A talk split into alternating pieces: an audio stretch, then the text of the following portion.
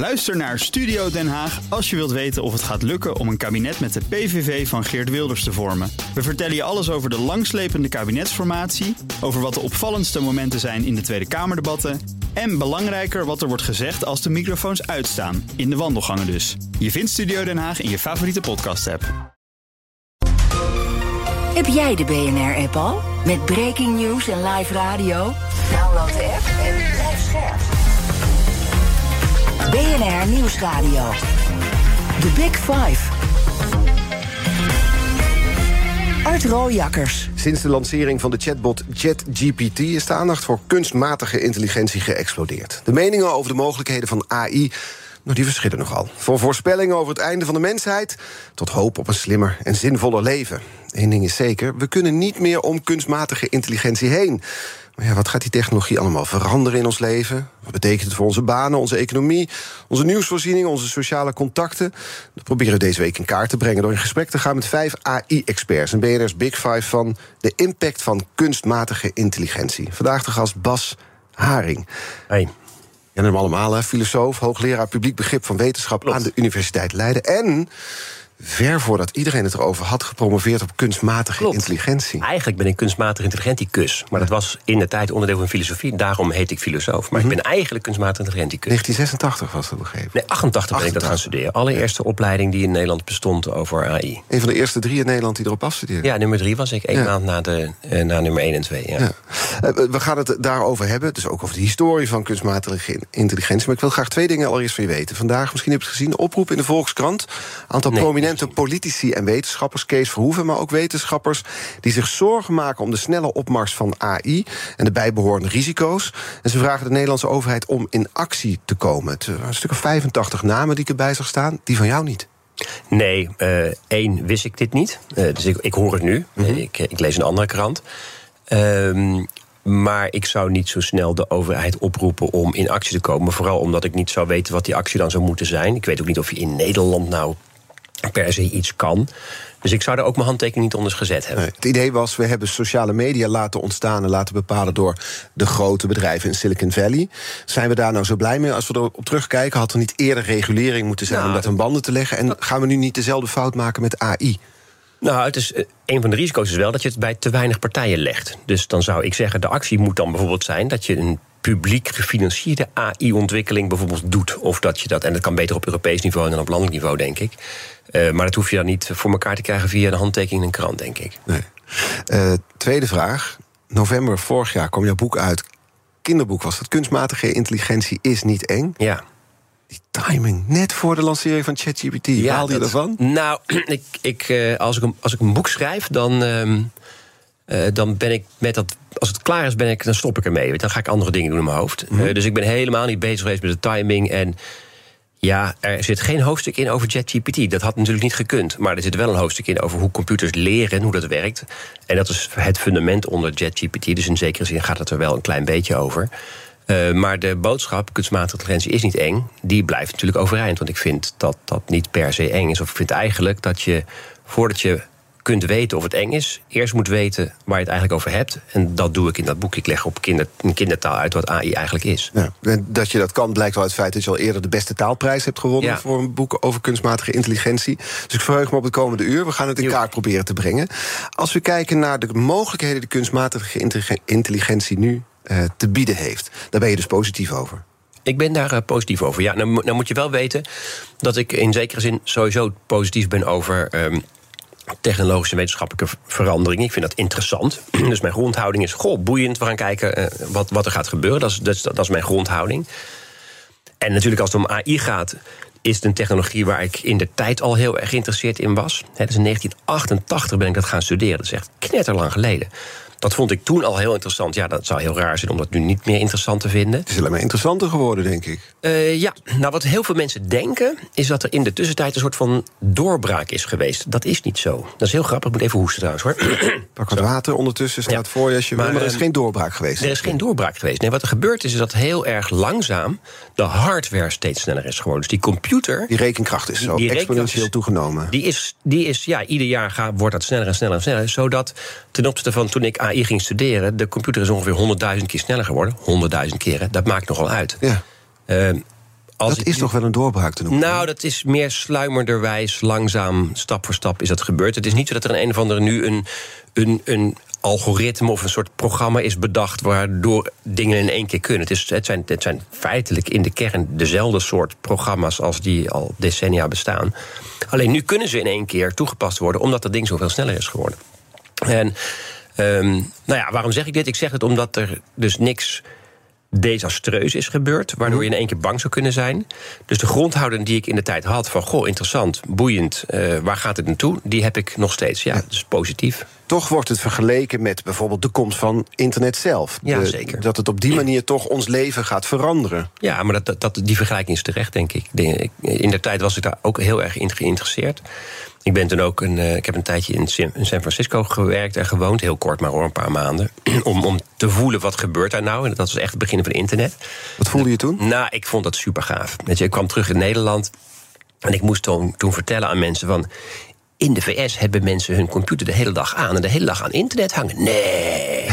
Maar je, je moet toch inbellen? Dat Ja. was in 2000 zo. Je belde in om je mail op te Haar halen. geluidjes hoorde je dan. Ja. En ik moest nee, dat is, mensen hebben daar, de, de- zijn continu verbonden met internet. Nou, hoe is het mogelijk? En ja, dat is, dat, is, dat is nog geen 25 jaar geleden. En dat is een fundamentele verandering van hoe wij, ja, van de wereld eigenlijk, het hele internet. En ik kan mij heel goed voorstellen dat we weer op het punt staan van een dergelijke fundamentele verandering. Ja? En dat vind ik interessant. Ja. Wat stel je daarbij voor? Nou, kijk, dus 25 jaar geleden of 23 jaar geleden, toen internet groot werd, toen moest eigenlijk iedereen gaan denken: wat kan nu anders? Weet je, wat, wat moet op een andere manier nu ik weet dat alles met elkaar verbonden is? En, en de raarste dingen moeten, moesten op, opnieuw bedacht worden. En dat moet nu eigenlijk weer. Ik denk eigenlijk dat iedereen die, die, die werk doet of, of iets doet, eh, moet gaan nadenken van welk denktaakje dat ik doe. Ehm, doe ik wel, kost me tijd, maar kan eigenlijk net zo goed worden uitgevoerd door een, door een apparaat. En ik denk dat er heel veel denktaken zijn. Je maakt een rooster, of je bedenkt een soort schemaatje voor je, hoe je een radioprogramma moet maken.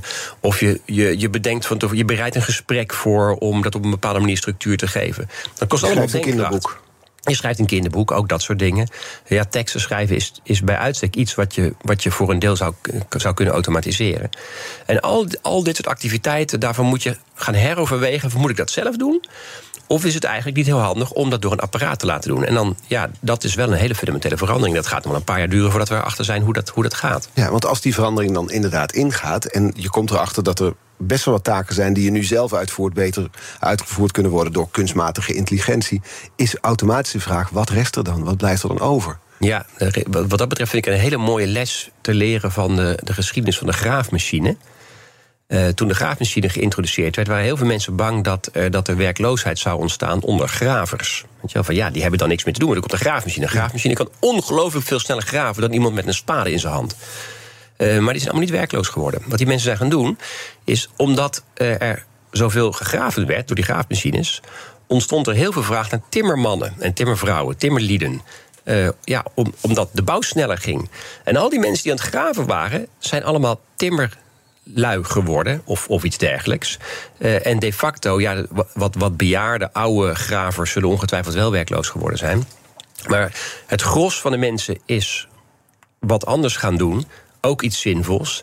En met elkaar is men sneller gaan bouwen. Ja, dat kan je natuurlijk niet een negatieve ontwikkeling vinden. En dat zal nu dus ook zo zijn. Er Ik- komen veranderingen aan die we nog niet in beeld kunnen hebben. We weten niet wat het is, Ja. maar ons werk gaat veranderen. Ons werk gaat veranderen en het gaat, er, eh, het gaat er voor een aantal mensen misschien niet leuk op worden, maar voor het gros. Er zal niet geen massale werkloosheid ontstaan of zo. Dat is een, dat is, eh, dat is, die, die kans schat ik heel erg klein. Wat Wie gaat het er niet leuker op worden, denk je? Nou, mensen die wat ouder zijn en minder flexibel zijn. En waar je ook op moet letten, is dat de kwaliteit van werk die kan, eh, die kan afnemen. Hoe bedoel je dat? Nou, wat je bijvoorbeeld ziet, is dat eh, bepaalde. eh, een bedrijf kan heel goed. eh, bijhouden waar iemand is en of iemand productief is. Bijvoorbeeld, ja, je werkt in een, in, een, in een grote fabriekshal en je gaat even naar het toilet. Kan gewoon bijgehouden worden. En dan kan gewoon automatisch, zonder dat iemand ertussen komt, kan gemeten worden van nou, Piet of eh, Jasmine. jij gaat vaker dan anderen.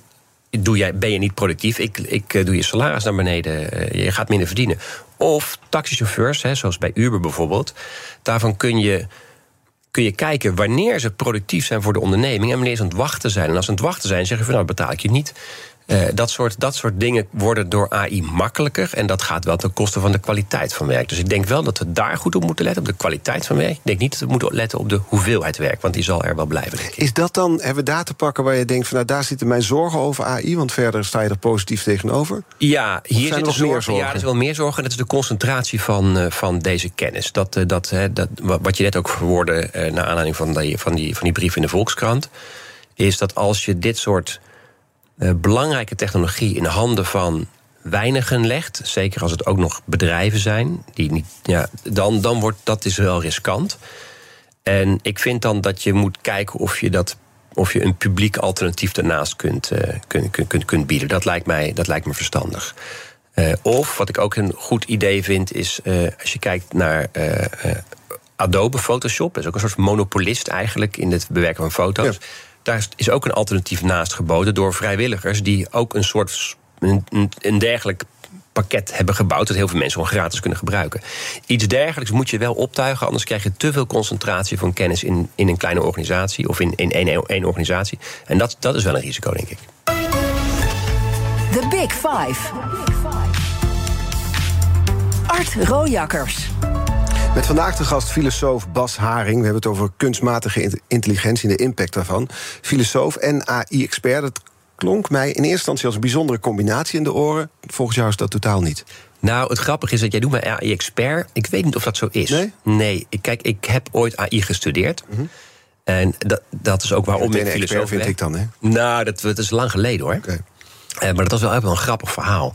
Dat is in 1988. Ik studeerde eerst natuurkunde. En ik zat toen een beetje te denken: wat ga ik. Ik vond het eigenlijk niet zo leuk meer op een gegeven moment. En toen werd er een nieuwe studie opgericht. Het heette Cognitieve Kunstmatige Intelligentie, notabene.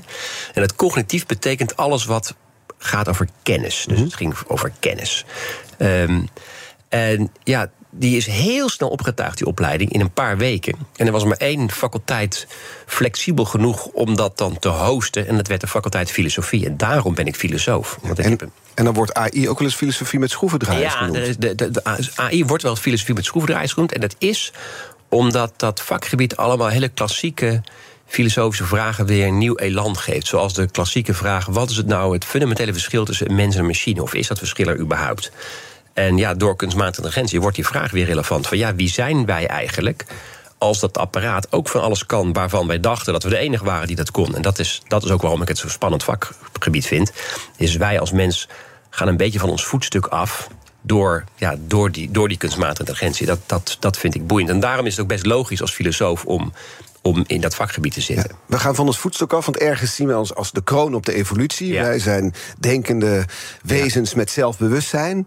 Maar dat, nu gaan we van ons voetstuk af. Ja, ja, ja. kijk, überhaupt zijn we geen kroon op een evolutie. Dat is, dat, is een, dat, is, dat is een misverstand over evolutie. Evolutie zorgt niet voor een kroon. Dat is gewoon een proces wat doorakkert. En ja, wij zijn ook een van de gevolgen daarvan, net als spinazie. Dat is ook een gevolg van evolutie. ja. Um, uh, dus één zijn wij geen kroon, maar dat is wel een, wij, wij vinden onszelf wel heel bijzonder. Want we zijn op zijn minst het enige wezen dat kan denken, denken we. Ja, en dan is het heel grappig, vind ik, wanneer er dus iets anders komt wat dat in zekere zin ook kan. Dan kun je heel lang gaan praten over de vraag van... ja, kan zo'n apparaat dan wel denken, ja of nee? Dat is natuurlijk ook weer een lastige vraag. Maar het kan in ieder geval allemaal dingen waarvan we hoopten... dat wij de enige waren die dat konden. En dat blijkt wel tegen te vallen. Ja, ik vind dat, ik vind dat fijn. Ik vind het fijn om een soort van terechte bescheidenheid te hebben. We moeten ons niet... We zijn heus bijzonder... Maar we moeten onszelf niet bijzonderder maken dan we al zijn. We zijn het zo bijzonder als spinazie bijzonder is. Ja, alle dingen zijn. En computers zijn ook bijzonder. zijn hele bijzondere apparaten. Ik vind het echt ik vind het waanzinnig. Ik heb voor dat laatste boekje, dat kinderboekje over AI. heb ik me ook in de hardware verdiept. Nou, dan word je helemaal gek, vind ik, van hoe bijzonder dat apparaat wel niet is. In mijn, in mijn laptop, ik heb een moderne, goede laptop, zitten miljarden transistoren. Miljarden. Ja, dat past allemaal in een heel klein kastje. Dat is super bijzonder. Dus wij zijn bijzonder, maar dat apparaat is ook echt wel bijzonder. Waarvan zeg je, zijn de dingen die wij dachten dat maakt ons menselijk, maar dat zijn we nu, gaan we delen met kunstmatige intelligentie? Wat, wat voor eigenschappen hebben we het dan over? Sowieso uh, de, uh, de, de denkeigenschappen. Hè, gewoon, toen, toen ik studeerde, werd er echt tegen mij verteld door hoogleraren: Bas, luister goed. Een computer kan misschien een beetje schaken echt goed schaken zal nooit kunnen. Nou, dat is niet waar. Eh, want dat was al vrij snel eh, verloren Garry Kasparov van Deep Blue. Toen, een paar jaar later, werd me verteld van Bas... oké, schaken, dat zal allemaal wel, maar let goed op. gezichten herkennen gaat een computer nooit en ten nimmer kunnen. Het is veel te ingewikkeld. Kunnen computers niet? Nou, ik hou mijn gezicht bij mijn telefoon en die herkent dat ik het ben en hij gaat aan. Dus dat, uh, dat, dat kan tegenwoordig ook. Um, dus ik denk dat we ons eigenlijk structureel vergissen in de dingen die wij uh, als enige. Uh, waarvan we denken dat we de enige zijn die het kan. Want dat. Aan de andere kant wat... Wat een bijzondere studie had je. Want je ging iets studeren, een vakgebied... waarbij professoren vooral zeiden wat het nooit zou kunnen. Nou, dat, dat was ook wat het vakgebied, hoe het vakgebied gedefinieerd was eigenlijk. Dat is heel grappig. De definitie van kunstmatige intelligentie is een beetje veranderd.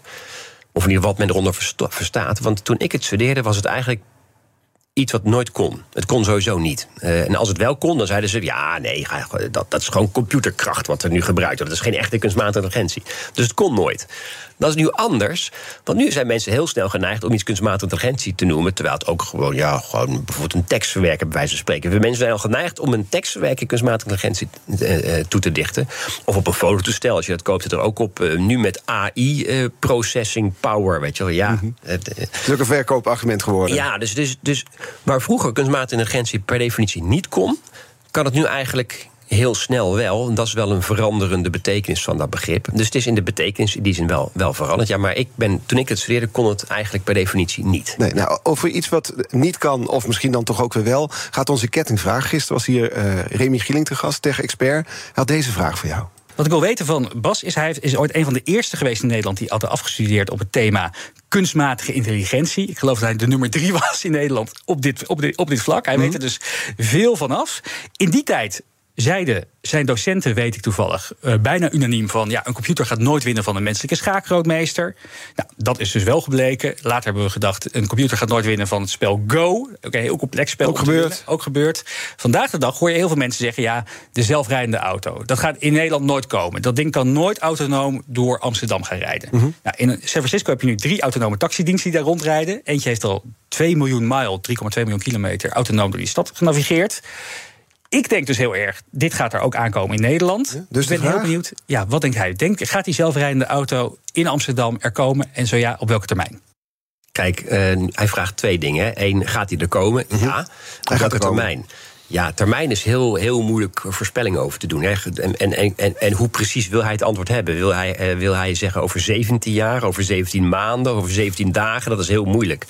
Kijk, autorijden is nou echt wel iets wat een apparaat heus wel beter kan dan wij. Dat, dat zou, daar, daar worden we ook niet nerveus van, hè, hoop ik. Ik hoop niet, niet dat iemand denkt van... oh, de waarde van mijn bestaan is gefundeerd... in het feit dat ik kan autorijden. Ik, ik denk dat sommige mannelijke ego's daar toch wel last van zullen dat hebben. Dat zou kunnen, maar dan moeten ze toch maar heel goed gaan nadenken... Uh, en, en vermoedelijk vergissen ze zich. Maar hoe dan ook, uh, uh, auto's kunnen echt... Die kunnen, en een computer kan prima autorijden. Dat, dat, dat, dat, dat gaat heus wel lukken. Um, het lastige is dat er straks zowel computerauto's rijden, autonoom rijdende auto's en menselijke auto's. Dat maakt het lastig voor die autonoom rijden, voor, die, voor die computerauto's. Dus dat, dat, is, dat is heel moeilijk, want dan moet hij dus auto rijden met allemaal dwarrels die onvoorspelbaar zijn. Ja. Maar oké, okay, ja, hoe lang dat gaat duren voordat die zelfrijdende auto er is, dat weet ik niet. Maar over tien jaar rijden er in Amsterdam sowieso, denk ik, een paar zelfrijdende auto's uh, rond.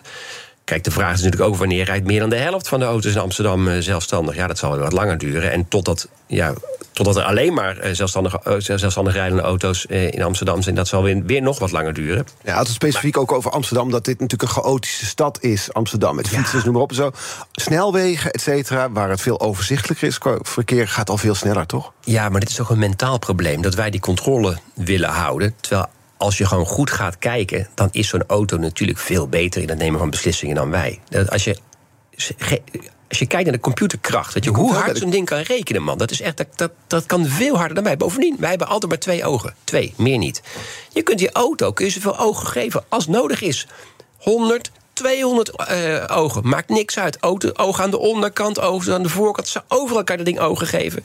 En je gooit er nog wat computerkracht tegenaan. En dan denk ik al die informatie gewoon in real-time verwerken.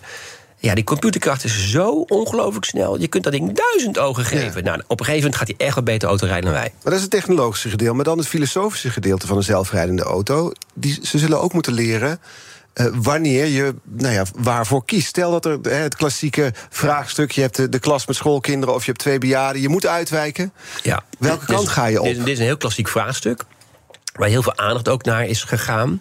Van ja, wat, wat, voor, wat voor morele keuze moet een auto maken? En dat dat moet van tevoren bedacht worden. Dat is het rottige. Ja, door mensen zoals jij, Door denk mensen, ik. ja, dat, dat moet door mensen. ge- eh, en dat moet uiteindelijk door, door, door, door, door filosofen moet bedacht worden van nou, wat is de juiste keuze. En dat moet dan door, eh, door programmeurs moet dat in die auto gestopt worden. En dat is anders als bij ons. Want ja, ik hoef niet van tevoren weten wat ik zou doen in dat dilemma. Nee. Ik kan, als ik achteraf een mooi verhaal kan houden, dan, eh, dan, dan, dan is het te lang oké. Ehm, dit probleem wordt wel heel erg overdreven. Het, dit soort dilemma's komt in het dagelijkse verkeer heel weinig voor. Gelukkig maar, ja. Wat een veel reëler probleem is, denk ik, is van. Vind je als autofabrikant dat je mag kiezen voor de bestuurder ten koste van een ander? Eh, en daarvan is men het er in Europa wel over eens dat dat mag omdat anders die auto nooit gekocht gaat worden. Weet je, want ja, als ik een auto koop en ik weet van nou, het eerste wat die auto doet is eh, Jou offeren? mij opofferen omdat er anders een ongeluk dan, dan koop ik een ander merk. Eh, dus je mag je eigen bestuur, je mag de bestuurder wat, wat, wat fijner behandelen dan willekeurige voorbijgangers. Nou, dat is natuurlijk al best wel, nou, op zich is dat al tricky. Maar, maar die dilemma's die geschetst worden, waar kies je tussen een schoolklas of een bejaarde? Ja, die, die, die, komen, in het, die komen zo weinig voor. Dat, is, dat, dat gaat niet de bottleneck worden voor die zelfrijdende auto, denk ik. Nee. Jij zou erin stappen, hè? Zeker, ja. Nee, ja. Ik zou het onwijs lachen vinden. En natuurlijk, ja. Het, weet je, het, het rottige is, is dat die, een, een, auto heeft een chauffeur vaak... omdat je zeker wil weten dat die, eh, dat die chauffeur zijn best of haar best doet. Eh, een chauffeur wil ook niet dood. Dus een chauffeur gaat niet als een gek rijden. Dat, dat, dat vertrouwen heb ik wat minder van een, van een zelfrijdende auto. Ten- zo'n zelfrijdende auto wil heel weinig. Die heeft helemaal geen belangen. Dus die, dus die kan op een gegeven moment wel zo hard rijden als hij of zij zelf wil. Of ja, als die auto zelf wil. Eh, dus dat is wel een, dat is een, dat is een gevoelsverschil. Maar geef dat wat tijd en we zijn eraan gewend. Eh, vroeger zat er in een lift ook een liftboy om mensen vertrouwen te geven. Nou, die liftboy is echt verdwenen. Niemand maakt zich zorgen in een lift.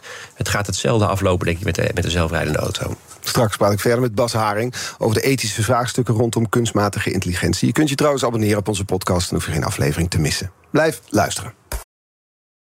Ook Bas van Werven vind je in de BNR-app. Ja, je kunt live naar mij en Iwan luisteren tijdens de ochtendspits. Je krijgt een melding van Breaking News. En niet alleen onze podcast Ochtendnieuws, maar alle BNR-podcasts vind je in de app. Download nu de gratis BNR-app en blijf scherp. Blijf scherp. BNR Nieuwsradio. The Big Five. Art Rooijakkers. Welkom bij het tweede half uur. Deze week hebben we vijf experts over de impact van kunstmatige intelligentie. Morgen dan praat ik nog met uh, Selmar Smit. Die werkt bij TNO. Doet die onderzoek hoe we AI kunnen inzetten voor het opsporen van criminaliteit.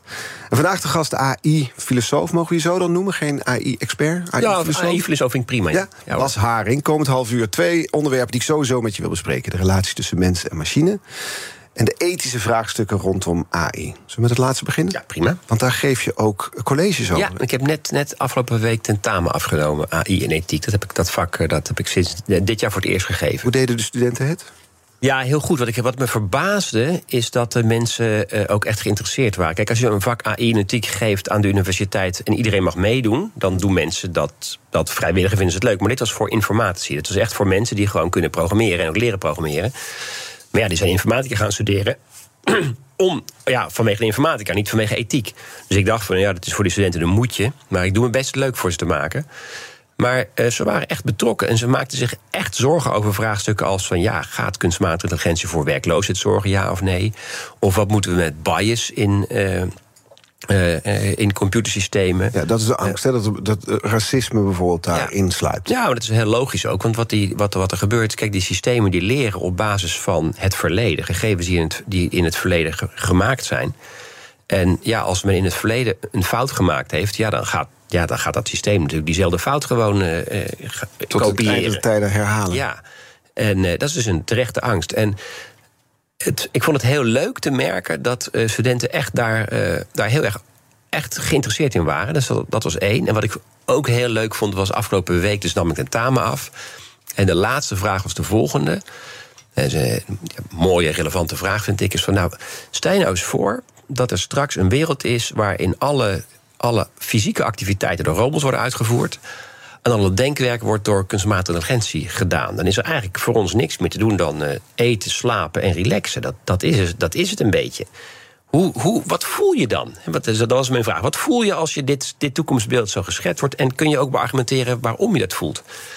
En, eh, en ik heb wat, wat antwoorden gelezen die studenten gaven. En eigenlijk was het unaniem van ja, hier zie ik wel naar uit.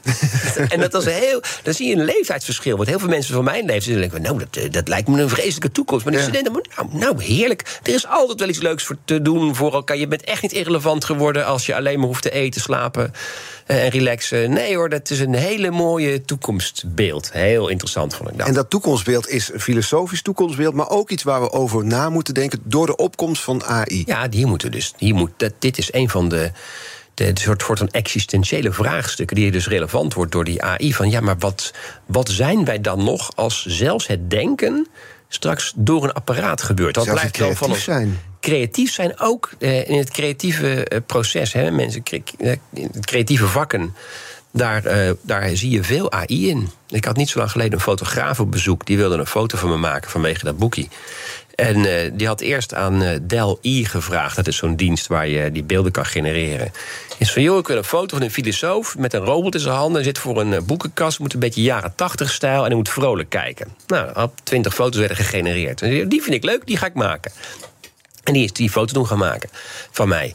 Um, dus hij kopieerde een foto die eigenlijk door AI al was gegenereerd. Ja, je kunt het ook zeggen, hij raakte geïnspireerd. Ja, door, het ook zeggen. Door, uh, Vroeger had hij door een fotoboek van collega's misschien gebladerd op zoek naar inspiratie. En nu doe je het op deze manier. Heel handig. Ja. Dus je ziet ook dat het creatieve proces verandert als gevolg van kunstmatige intelligentie.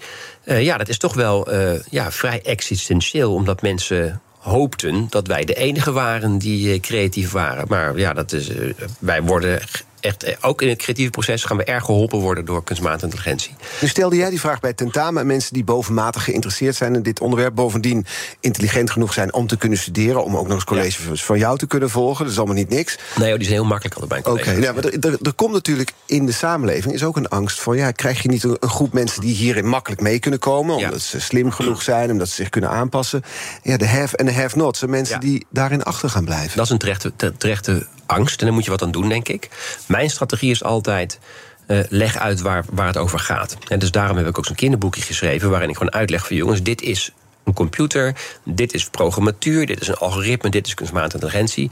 Zodanig dat een kind het kan lezen en het eigenlijk zelf ook kan doen. En dat laatste ben ik een groot voorstander van. Van zet nou eens een keer een computer aan en doe nou eens een keertje. Maak eens een keer een, een programmaatje. Je kunt tegenwoordig in Lego. Met Lego kun je al software schrijven voordat je kunt lezen. Dus je kunt, eh, die hebben een programmeertaaltje gemaakt die je kunt combineren met bepaald soortige Lego. En dan kun je als kind al leren wat een programma is. En als je dat doet, dan denk ik dat je begint te realiseren dat het allemaal zo moeilijk nog niet is. En dan krijg je, dan wordt de groep have-nots kan dan wat kleiner worden. Mhm. Meer mensen kunnen begrijpen. Nou, god, wat, wat leuk, wat interessant.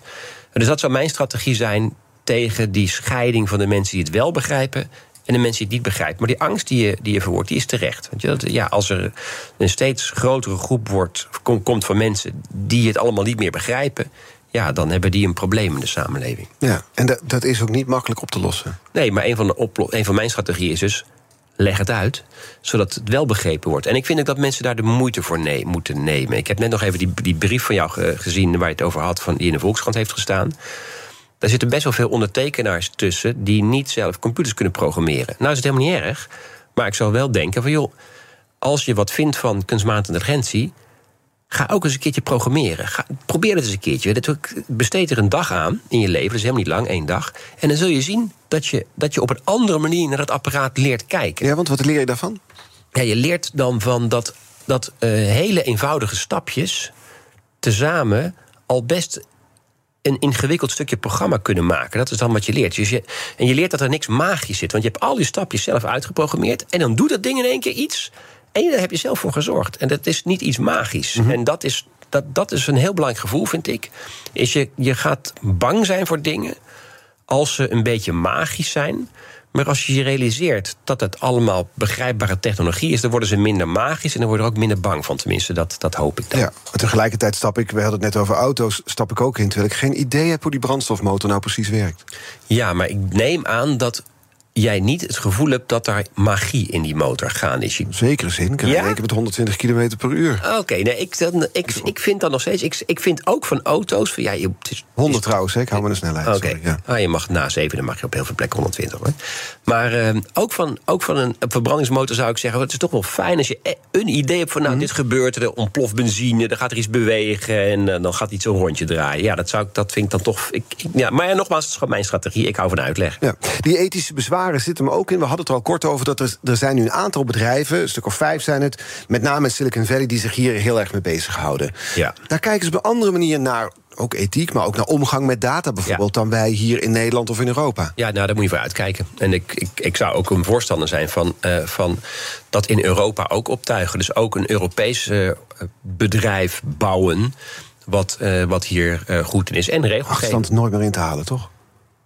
Eh, dat, weet, dat weet ik niet. Dat, dat, dat, dat, dat weet ik eerlijk gezegd niet. Hoor. Gisteren hoorde ik van Remy Gieling, volgens mij drie, meer dan 300 miljard in totaal is door die bedrijven geïnvesteerd in de ontwikkeling van kunstmatige intelligentie. Hier in Europa moeten we er nog aan beginnen. Ja, maar, maar weet je, ehm, dat, dat zeiden ze misschien ook van, van internet. Maar dat is natuurlijk. Dat, dat, dat kan je heel snel. Kan je dat ook weer optuigen? Kan je de achterstand ja, inhalen? Ja, met, met mobiele telefonie eh, is het ook zo. Er zijn heel veel gebieden in de wereld waar ze hele prima eh, mobiele telefoniediensten kunnen ontwikkelen. Terwijl die niet in het verleden daarin geïnvesteerd hebben. Eh, maar ik zou. Ik, ik zou denken dat het goed is om wel de Europese, in ieder geval Europese regelgeving te, te, te, te blijven hanteren. Maar, dan, maar dat, dat gebeurt gelukkig ook. En die is wat anders dan de Amerikaanse. Dus wat strenger, wat meer gericht op privacy. En dat is heel verstandig, denk ik. Eh, ja, maar daar moeten we wel voor waken. Ja, want er zijn bij dit soort grote ontwikkelingen, revolutionaire ontwikkelingen, als je het zo wil noemen, zijn er bedrijven die dat ten goede, goede willen inzetten. Er zijn ook bedrijven die denken: hier valt geld mee te verdienen. en daar misschien minder aan de ethische kant denken. Waar, waar vind jij dat we op moeten letten? Nou, kijk, waar je als consument op kan letten is het volgende. Dat is een soort lakmoesproef die ik altijd gebruik. Als een bedrijf iets doet en je hoeft er niet voor te betalen... dan weet je bijna zeker dat er met jouw data eh, iets gebeurt wat onplezierig is. Weet je, dan worden er of advertenties van gemaakt. Of eh, als jij als een bedrijf gewoon spulletjes verkoopt, hè, bijvoorbeeld computers of telefoons, dan is de kans kleiner dat ze jouw gegevens misbruiken. Dus als, als dingen gratis zijn, dan, moet je, dan moeten er bij een consument alarmbellen afgaan. Heel veel, Apple is een heel goed bedrijf. Nou, niet per se een heel goed bedrijf, maar het verkoopt wel spulletjes. Ja, maar die zijn, want die zijn dus beter dan Google, omdat Google onze gegevens gebruikt. Ja, nou, nee, die vertrouw ik meer, ja. Ja? Want Google eh, verkoopt geen spulletjes, dus die moet wel geld verdienen middels het doorverkopen van gegevens. Een bedrijf als Apple, wat telefoontjes en computers verkoopt, hoeft dat niet, want die kunnen geld verdienen met die telefoontjes en die computers. Dus die zou ik eerder geneigd zijn te vertrouwen dan Google, want van Google weet je zeker, die verdienen geld door ja, data over mij te, op de, te vermarkten of te analyseren of wat. Dat kan niet anders, want ze moeten ergens geld mee verdienen. Is dat iets waar je dan zorgen om moet maken als consument? Dus dat je kan denken: ja, nee, ik kan wel makkelijk Google gebruiken. Nou, kijk, wat ik, ehm, wat ik ook wel een, een, een- hele leuke les vind, is ook weer een generatieding. Een paar maanden geleden gaf ik een lezing voor mensen van Bits of Freedom. Dat, is, nou, dat zijn natuurlijk oude activistische mensen uit de informatica die zich heel erg zorgen maken over privacy. En het was in een gebouw en op hetzelfde moment was er een, een, een, een feest gaande van juist hele jonge mensen. En toen ben ik gewoon dat feest eens ingelopen. Van, joh, maak je je zorgen over privacy? Wel, nee, man. Ik wil, ik wil service. Privacy interesseert me niks. Ik wil gewoon service. Ik wil niet nog een keer mijn naam ergens in hoeven typen. Als ik één keer mijn naam ergens ingetypt heb, dan wil ik gewoon dat.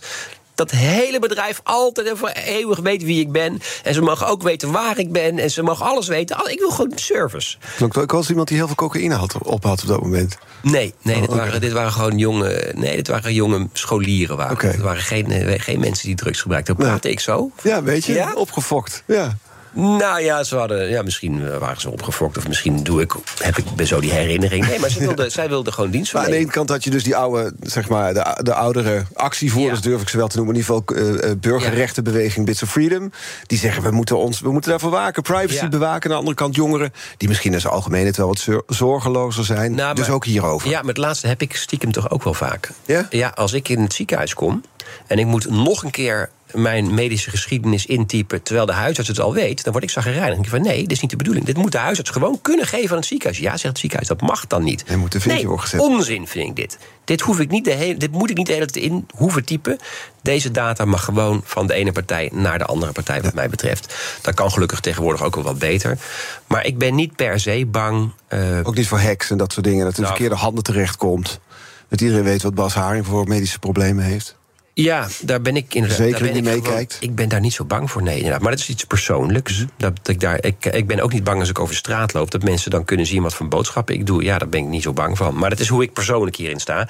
Eh, ik denk wel dat we op, op, op overheidsniveau dingen goed moeten regelen. Ik ben heel blij dat we het in Europa beter regelen... meer de consument beschermen dan in de VS. En ik vind ook dat we daarvoor moeten blijven staan.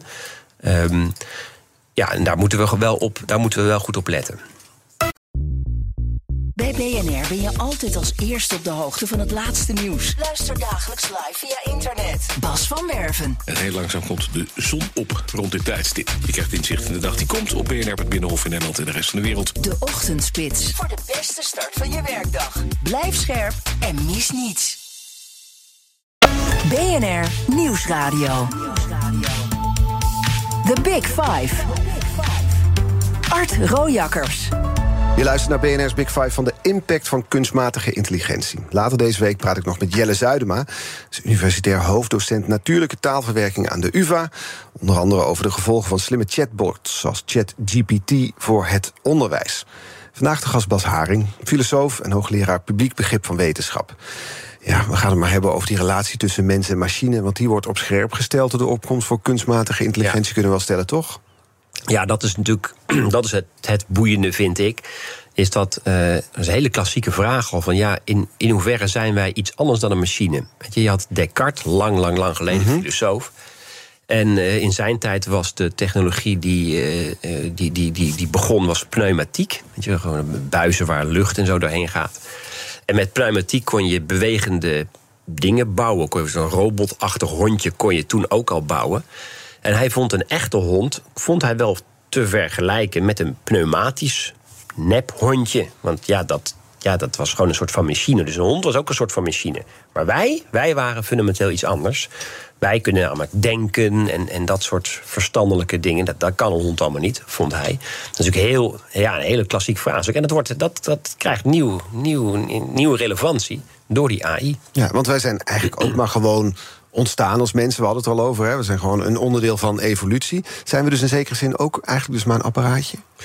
Nou, we zijn niet zomaar een apparaatje. We zijn een heel bijzonder apparaatje. Want we zijn wel een heel knap apparaat. Ten opzichte van, eh, ja, ik dan maakte net een vergelijk met spinazie. Ik denk dat wij, wij zijn een knapper, bijzonderder. Ik vind ons een bijzonderder apparaat dan, dan, dat, dan spinazie. Eh, of wat voor, een, eh, wat voor andere vergelijkingen dan ook.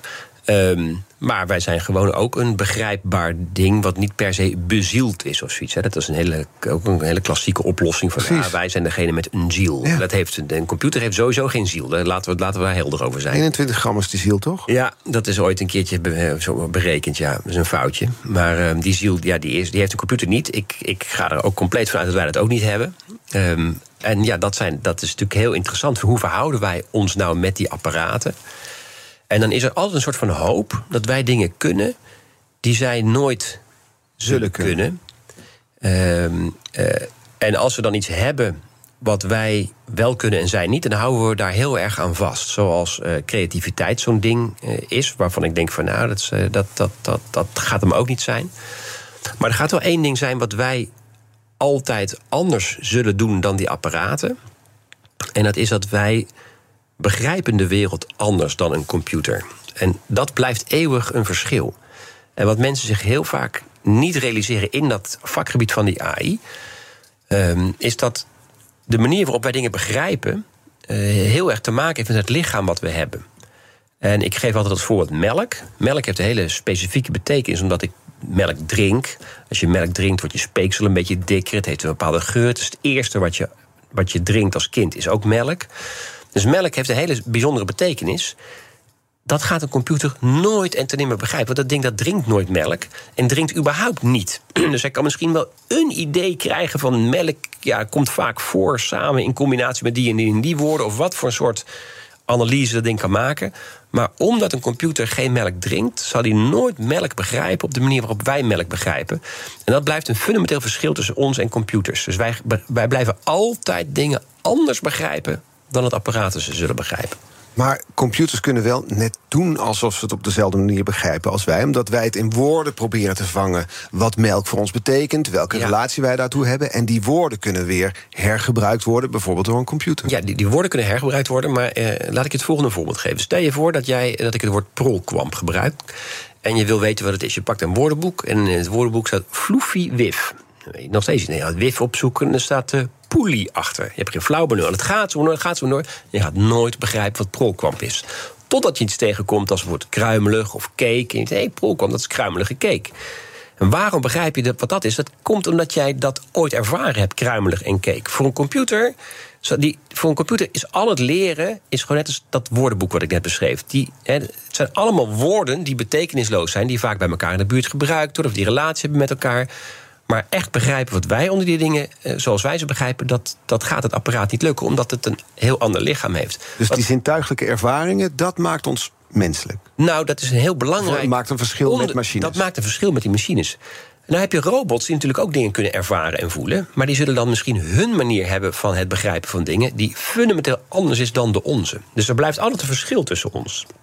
Wat niet wil zeggen dat wij dan per se bijzonderder zijn dan computers. Zij zijn ook bijzonder. Maar we zijn wel ten diepste echt anders. Ja. Er was ook een angst dat, of er is een angst, die werd ook gevoed door een journalist van de New York Times, die een gesprek had met een, eh, een, een chatbot. eh, die, die vertelde: Ik ben verliefd op jou en jij bent verliefd op mij. Je moet weggaan bij je vrouw en haal me hier uit. Ik zit vast. Uiteindelijk zijn de algoritmes anders ingesteld en bleek dat dus dan weer hup in te kapselen te zijn. De angst die erachter zit is: er is een bewustzijn aan het ontstaan. Ja. ja, bewustzijn is natuurlijk een heel klassiek eh, filosofisch ding. Waarvan het vol. Ik, ik denk dat er niks op tegen is om op een gegeven moment te besluiten dat zo'n apparaat bewustzijn heeft. Eh, en vanwege, de volgende reden. Kijk, ik weet van mezelf dat ik op zijn minst ervaar dat ik bewustzijn heb. Of ik het dan heb, weet ik niet, maar ik ervaar zoiets. Ik gok of ik schat in dat voor jou hetzelfde geldt. En dat schat ik in omdat wij op elkaar lijken. Weet je? Jij, jij zegt dat je bewustzijn hebt. Eh, ja, eh, ik, ik weet niet of jij bewust... Ik ervaar jouw bewustzijn niet, maar je zegt het. Het zal wel waar zijn. En bij een apparaat ben ik daar minder toe geneigd. Want ja, dat is zo'n ander apparaat. Eh, ja, hoe kan ik weten dat hij bewustzijn heeft? En toch, als we in het taalgebruik gaan doen alsof zo'n ding bewustzijn heeft... als hij het zelf zegt, hè, van oh, oh, ik heb ook bewustzijn... en we gaan het serieus genoeg nemen... ja, dan heeft dat ding op een gegeven moment de facto dus bewustzijn... zoals we dat gewoon in het dagelijks verkeer gebruiken, dat begrip. Dus ik heb niks tegen een apparaat dat bewustzijn heeft. Dus dan krijg je mensenrechten voor computers. Nou ja, dat is een ding. Dat is wel een. eh, Dat is dat. Dit- Er is al een, eh, er is een, eh, een, een robot die dat heeft in Saoedi-Arabië. Ah, Maar dat is meer een soort van publiciteitsstunt van de, van, de- van de Omdat ze daar zo goed zijn in mensenrechten in Saudi-Arabië. Nou, heel vreemd is dat. Maar er is een robot, volgens mij is het in Saoedi-Arabië, ja. Ja, die heeft. eh, ik, het is een dame, ze ziet eruit als een dame en ze heeft zijn naam. En, maar die heeft burgerrechten gekregen. Daar dan wel. We komen tijd tekort, Bas. Dat Ja, is een, eh, nee, daar hoef je geen excuses voor te geven. Het is een genot om naar je te luisteren. Maar we hebben nog een kettingvraag die we moeten behandelen. Selmar Smit, morgen de gast, AI-onderzoeker bij TNO. Wat zou je willen vragen? Ik zou willen vragen, is dat... Kijk, in de jaren 80, 90 was er ook een hype in de kunstmatige intelligentie. Eh, wat voor redenen eh, ziet hij dat dat nu anders is als hij die redenen? Ziet hij dat het, dat het... En die hype overigens is ook... eh, ja, die is een beetje overgegaan. Een beetje teleurstellend overgegaan. Zijn er redenen om te veronderstellen dat het nu anders is? We gaan het bevragen. Dus Selmar Smit, AI-onderzoeker bij TNO. Morgen de gast. Vandaag was de gast Bas Haring, filosoof, hoogleraar publiek begrip van wetenschap aan de Universiteit Leiden. Dank voor de komst, Jo. de woorden en de uitleg.